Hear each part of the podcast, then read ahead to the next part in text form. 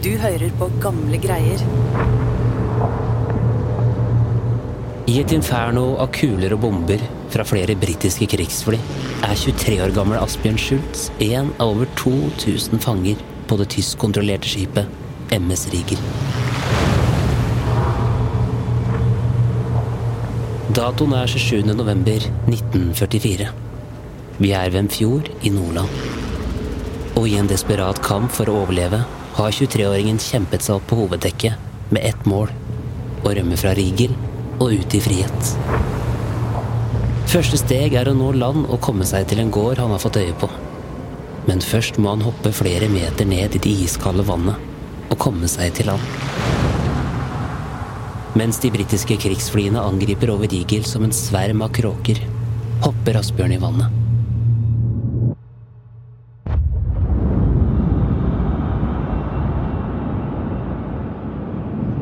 Fallet er så kraftig at han synker dypere og dypere. Vinterklærne, skoene og kulden gjør det vanskelig for den unge matrosen å svømme opp. Kampen for frihet har fått den verste starten han kunne tenke seg.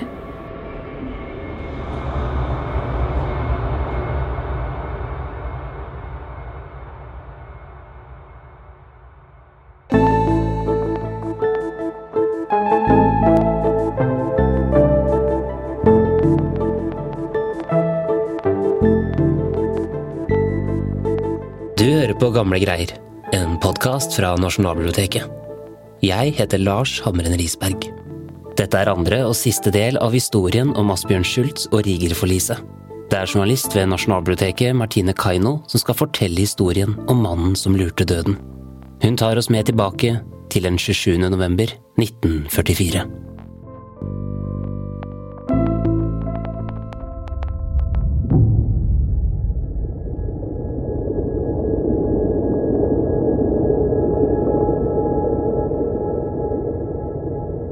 Meter under sjøen, mens Riger ble bomba av britiske krigsfly, kjempa 23 år gamle Asbjørn for å få hodet over vann. Kulden stakk i kroppen, vinterklærne var tung, og Asbjørn var i ferd med å miste pusten. 23-åringen satte alt han hadde igjen av krefter for å komme seg opp. Han begynte å se overflaten. Han var bare et par svømmetak unna.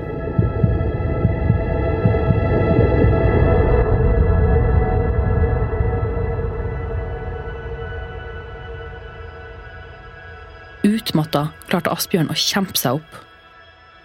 Hodet var endelig over vann.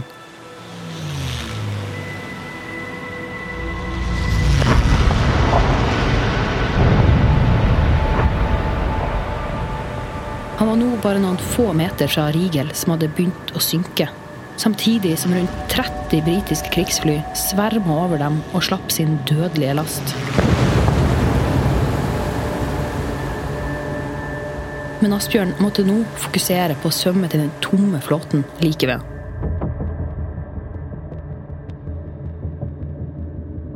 Da han nesten hadde nådd flåten, så han en russer som knapt kunne svømme. Han holdt hodet over vann med å plaske desperat, nesten som en hund. Asbjørn, som var fysisk sterk, var så utmatta at han ble tatt igjen av russeren, som i panikk kasta seg over han for å redde seg sjøl.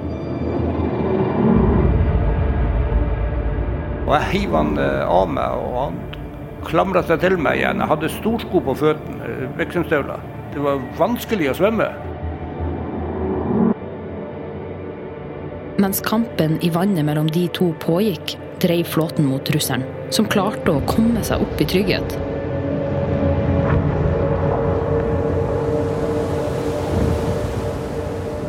Asbjørn var igjen i det iskalde vannet. Slaget så ut til å være tapt.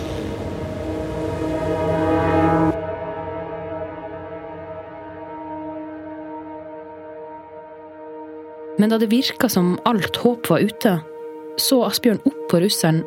Han kom seg til flåten før meg. Så rekte han armen til meg og dro, dro meg opp. Asbjørn strekte ut sin egen hånd og ble løfta ut av det bitende vannet av russeren. Nå var også 23-åringen redda. Navnet på russeren rakk Asbjørn aldri å spørre om, for snart kom en desperat tysker svømmende mot dem. Og igjen ble Asbjørn overraska. For i stedet for å la han drukne, kasta russeren ut et tau til tyskeren, som uten å nøle tok tak i det. Den 23 år gamle matrosen kunne knapt tro det han så. Det som jeg syntes var, var, rart, det var at ikke Hvis at han russen skulle gjengjelde ondt med ondt, så kunne han like ta, godt da slå han i hjel, han tyskeren. Men han gjorde ikke det. Han visste nestekjærlighet. Han tok seg virkelig av han og hjelpte han. Krigens premisser gjaldt ikke her i fjorden lenger. I dette øyeblikket kjempa de alle om å overleve.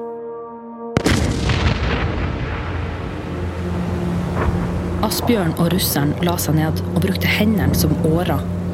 De satte kursen mot gården på øya like ved, mens tyskeren holdt tauet og ble sluppet etter flåten. Samtidig fortsatte de britiske flyene angrepet. Så ble det en veldig eksplosjon om bord. Og det var en strøm, en brun strøm av folk som gikk på havet. Og ei forferdelig, forferdelig jammer og, og rop. Ja, det, var, det var en NIFS-opplevelse. Noen brann noen brann i hjel, og noen, noen drukna. Det var en massaker.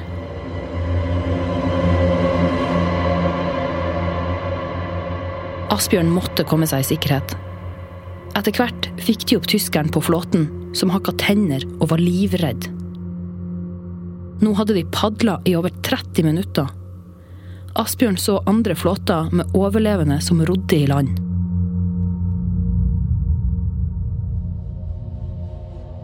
Da de endelig var framme, begynte Asbjørn, russeren og tyskeren ferden mot gården oppe på haugen. Asbjørn leda an, mens russeren tok seg av tyskeren, som nesten kollapsa flere ganger. Ved gården så Asbjørn at de ikke var de første overlevende fra Rigel. Da var det så fullt av uh, tyskere, og de, de, okkuperte den gården. Det var ikke noen andre som fikk komme inn der. Så jeg var jo der i fjøsen i lag med de som var der. Det var jo mest uh, russefanger. og fullstendig kaos. Tyskerne var bevæpna og hadde starta å få oversikt over situasjonen. Selv om skipet hadde gått til grunn, jobba de nå knallhardt med å få kontroll over fangene igjen. Selv om han var i sivile klær, var Asbjørn så gjennomvåt at det var åpenbart for enhver at han var en fange som nettopp hadde berga livet fra Rigel.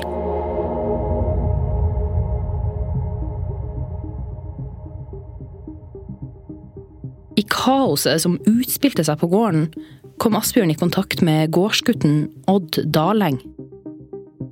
Odd bestemte seg for å hjelpe Asbjørn med å rømme, selv om det kunne ende med dødsstraff for dem begge. Men i den uoversiktlige situasjonen klarte de to å snike seg unna. Asbjørn, som var dryppende våt, iskald og sliten etter dødskampen, fulgte etter han Odd til en annen gård like ved. Her fikk Asbjørn hjelp av en snarrådig eldre dame, som ga han noen brødskiver og varme klær. Deretter ble han vist til fjøset, hvor han fikk tilbringe natta. Mens mørket senka seg over gården, gravde Asbjørn seg ned i høya.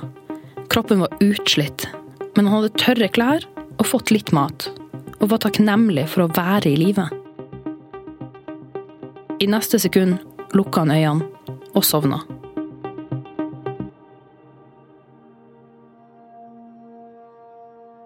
I løpet av de neste dagene fikk Asbjørn hjelp av lokalbefolkninga, som risikerte livet for å hjelpe den unge matrosen. Han ble hjulpet fra skjulested til skjulested. Tyskerne var overalt. Flere ganger var det på nære nippet at 23-åringen ble avslørt. Men ren flaks gjorde at han ikke ble oppdaga. En dag hadde noen av hjelperne kontakta to motstandsmenn som var villige til å hjelpe Asbjørn til en tryggere plass. Langt ute i havgapet, på Vega, lå øysamfunnet Lånan. Ute på Lånan bodde det egentlig mange mennesker men flesteparten hadde reist til England med båt tidligere på året. Tyskerne hadde nemlig funnet ut at store mengder av våpen til motstandsbevegelsen ble smugla inn til øysamfunnet her. Utenom barn og gamle var det nå knapt noen andre på øya. Det var et perfekt gjemmested. Han fikk beskjed om at dette ville bli en farlig reise. De måtte være forsiktige for å ikke bli oppdaga på det åpne havet.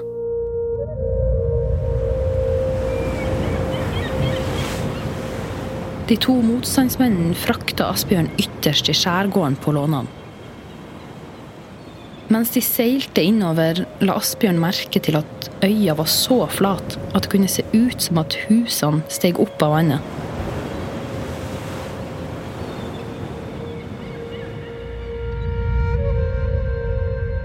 De la til i fjærkanten og gikk opp mot et av husene. Motstandsmennene banka på døra. Et ektepar åpna. Det var Meyer og Kristine Nilsen. Følget fikk komme inn.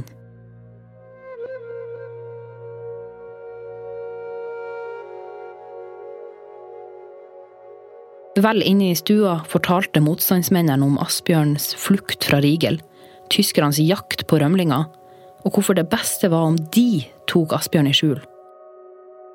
Det var ingen selvfølge at ekteparet ville risikere livet for å hjelpe den fremmede, unge matrosen. Mens de snakka sammen, venta Asbjørn spent. Han huska godt hvordan tyskerne tidligere i krigen hadde tent på hus i Lofoten for å straffe sivile som gjorde motstand. Ville de ta den sjansen med han? Til slutt tok Kristine ordet. Det var hun som bestemte. Ja, denne gutten skal være hos oss, sa hun. Da var det avgjort.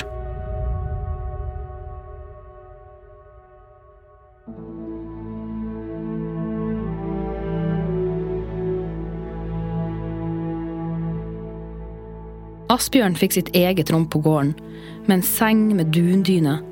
Noe Asbjørn kun hadde hørt om, men som han aldri før hadde prøvd. Fra de uhygieniske og ekle forholdene på Rigel følte han seg nå som romankarakteren han kjente til, greven av Monte Cristo. Det var noe annet enn, det som jeg hadde om bord på Rigel når jeg lå på en trehjulsmadrass med frakken min over meg. Så jeg glemmer ikke hvor fint jeg hadde det hos, hos de folket der.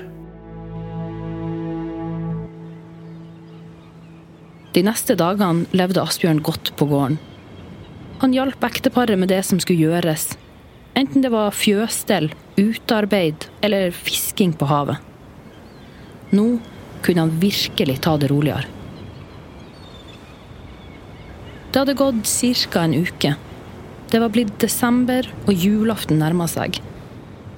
Asbjørn var utenfor gården og jobba med å sette opp et gjerde.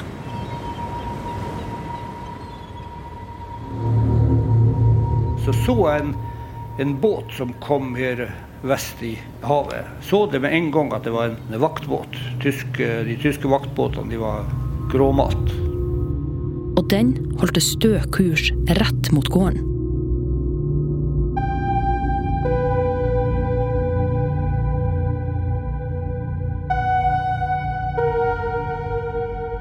Pulsen steg med en gang. Han var sikker på at mannskapet på båten hadde observert ham. Asbjørn måtte komme seg i skjul, men han kunne ikke springe. Det ville vekke for mye mistanke. Han stoppa opp arbeidet med gjerdet, snudde seg og gikk rolig mot gården.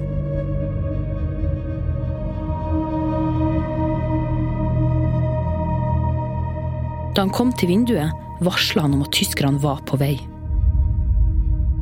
Kristine reagerte umiddelbart og sa han måtte skynde seg inn i fjøsen, opp på loftet og grave seg ned i høyet med en gang.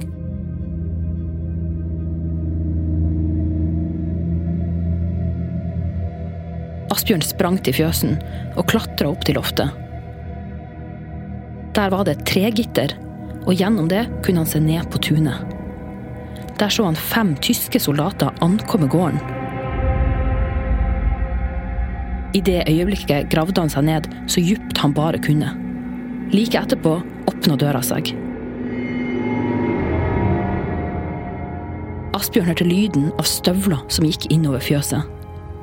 Nazistene sto nå rett under ham, og de hadde med seg Kristine.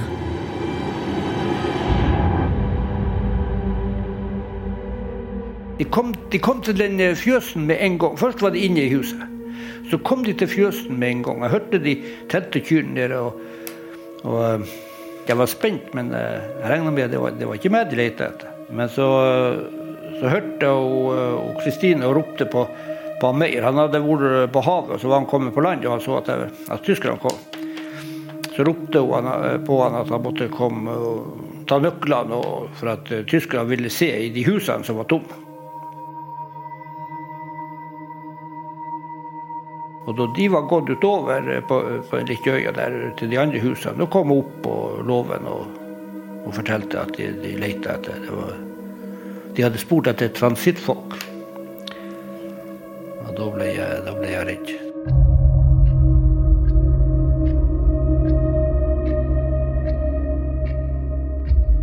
Asbjørn visste at hvis ikke tyskerne snart ga seg, ville de antageligvis finne han. Mens nazistene fortsatte letinga på gården, klekka den snarrådige Kristine ut en plan for å avlede soldatenes jakt. Hun gikk inn i huset og skifta til herreklær. Deretter sneik hun seg ut og gikk et stykke unna gården. Så begynte hun å gjøre høylytt gårdsarbeid, som ganske raskt ble lagt merke til av tyskerne. Da de fikk øye på skikkelsen et stykke unna, tenkte de nok at det var personen de hadde sett fra båten. Soldatene satte straks kurs mot manneskikkelsen. Men da de kom fram, fikk de seg en overraskelse. Det var kvinnen på gården. Kristine.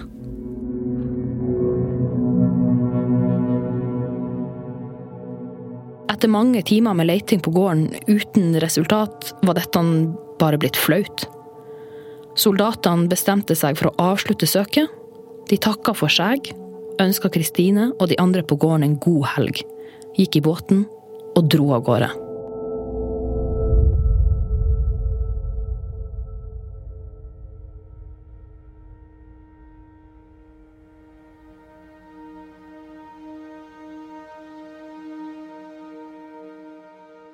Nok en gang hadde Asbjørn hatt englevakt. Fra skuddene på kaia på Stokmarknes til angrepet på Rigel, flukten til lånene Hele veien hadde han hatt hellet med seg. Nå var marerittet over. Asbjørn hadde klart å rømme. Han var fortsatt i live og på vei til frihet.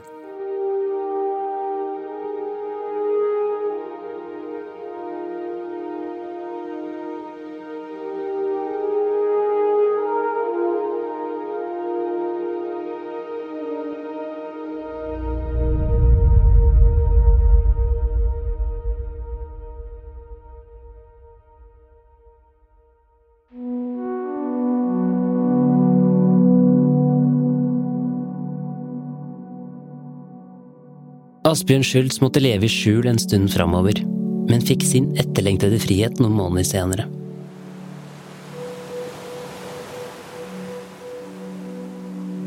Over 2500 mennesker ble drept under angrepet den 27. november 1944.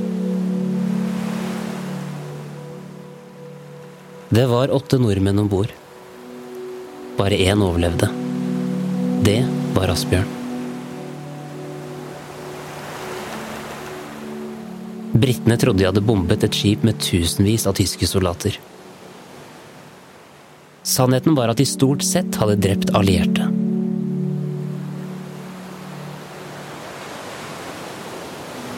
De neste tiårene sto deler av baugen fra Rigel opp av sjøen, som et slags grufullt monument over tragedien. Asbjørn Schultz skulle resten av livet fortelle sin historie til mediene, helt til 2004 året han døde.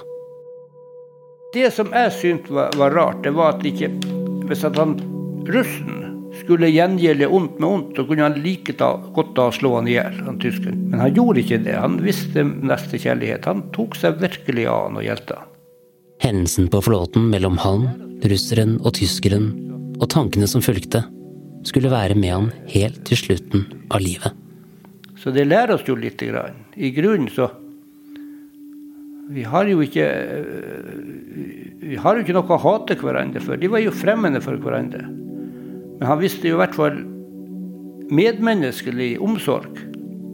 Så når man blir sendt ut i krig, så er det jo ikke fordi at vi har så lyst til å gå og drepe andre. Det er, jo, det er jo fordi at systemet er slik. Du skal ut og, og, og drepe fordi at andre har profitt av at du dreper. Det er, jo, det er jo et sykt samfunn. At det virkelig skal være slik. Jeg lærte mye av det, det jeg så.